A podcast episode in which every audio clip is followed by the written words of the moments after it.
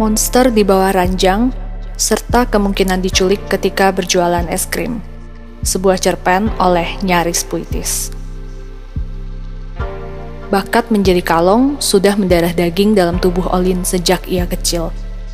Bunda sering menggunakan berbagai macam cara untuk mengajaknya tidur, mulai dari membacakannya dongeng, yang berakhir dengan pertanyaan membanjir dan ajakan berdebat tentang mengapa gadis berkerudung merah begitu bodoh, tidak bisa membedakan manusia dan serigala. Atau bunda akan mengelus-elus rambut Olin sambil membacakan kitab suci. Kadang Olin akan gampang terlelap dengan cara seperti itu. Cara lain, bunda akan memarahi Olin dengan sepenuh hati, karena bunda sudah teramat lelah dengan mata Olin yang tak kunjung terpejam kala lampu-lampu kota sudah padam. Memarahi Olin adalah cara paling ampuh untuk membuat gadis ini meringkuk di dalam selimut tebalnya. Ditambah dengan bumbu, kalau kamu tidak tidur juga, ada monster di bawah ranjangmu. Lengkap dengan deskripsi monster tersebut. Taring yang mengkilat, senyum yang penuh kepura-puraan, kulit bersisik yang membalut tubuhnya yang kurus ceking, dan suara tawanya yang melolong seperti serigala.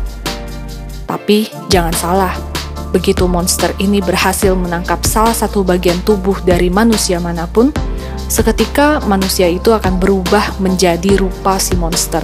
Sama persis. Dengan cara itu, Bunda bisa tersenyum tenang sambil melirik jam dinding. Pukul 11 malam dan Olin yang mendengkur halus. Misi Bunda untuk hari itu akhirnya selesai juga. Namun, sampai Olin dewasa, ia tetap mencintai statusnya sebagai kalong. Menjadi desainer in-house di sebuah agensi periklanan mengharuskan ia tetap terjaga di tengah malam buta. Kadang dengan minuman isotonik dengan label kesehatan. Sambil bersandar di ujung ranjangnya, kaki yang berselonjor, laptop di pangkuan, dan tirai jendela yang menari malas terkena angin malam. Ia sering tertidur ketika hampir subuh dengan jendela terbuka karena ia takut ketika beringsut menuju jendela dengan kakinya yang menyentuh lantai, tangan monster yang berlendir hijau dan bersisik itu akan menggenggam kuat pergelangan kaki Olin. Sambil menggeram halus, Olin akan terseret masuk ke dalam kolong ranjang sambil meronta-ronta, mengikis lantai dengan kuku-kuku dan keberaniannya yang tersisa. Persis seperti film horor Jepang. Ih, membayangkannya saja sudah membuat bulu kuduk berdisko. Makanya, Olin memutuskan untuk bersembunyi saja di balik selimut tebalnya, berhemat menggunakan oksigen secukupnya sampai siang menjelang. Inilah rutinitasnya sejak kecil. Terkadang, hayalan Olin suka mengawang di langit-langit kamarnya sendiri. Tentang desainnya yang lebih banyak ditolak klien dan pertimbangan untuk loncat ke perusahaan yang lebih menghargainya tentang Patrick yang sepertinya tertarik padanya tapi lebih tertarik dengan hobi otomotifnya. Tentang Bunda yang mewanti-wanti Olin untuk tidak memutuskan hal abnormal yang bisa mendadak dilakukannya. Seperti pergi ke bar bersama teman yang baru dikenalnya dari tempat ibadah. Traveling ke Pulau Buru di Maluku bersama teman-teman kantornya karena ia percaya di sana ada alien. Menjual seluruh buku referensi desainnya dan mencairkan sisa tabungannya untuk menyewa truk berwarna pink cerah supaya ia bisa menjual es krim keliling, dan ide-ide konyol lainnya. Kadang, mimpi-mimpi konyol itu bercampur dengan bagaimana jika ternyata di bar ada cicak yang berenang di gelas birnya. Bagaimana kalau alien yang dia ketemukan di Maluku itu ternyata memiliki rupa yang sama dengan monster di bawah ranjang? Atau di siang bolong ketika ia sedang berjualan es krim, ternyata ada pembunuh berdarah dingin yang sudah lama mengincarnya dan berencana menyekapnya.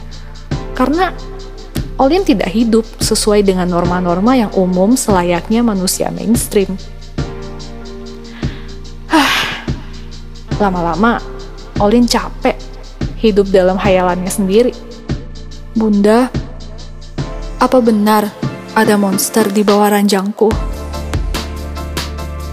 Tentu saja, pertanyaan ini tidak pernah sampai ke telinga Bunda, atau Olin akan mendekam di rumah sakit jiwa. Namun, setiap malam di depan cermin, Olin selalu menanyakan pertanyaan yang sama. Yang sama, yang sama, yang sama. Sampai semua hanya seperti gaung-gaung yang menggantung di udara.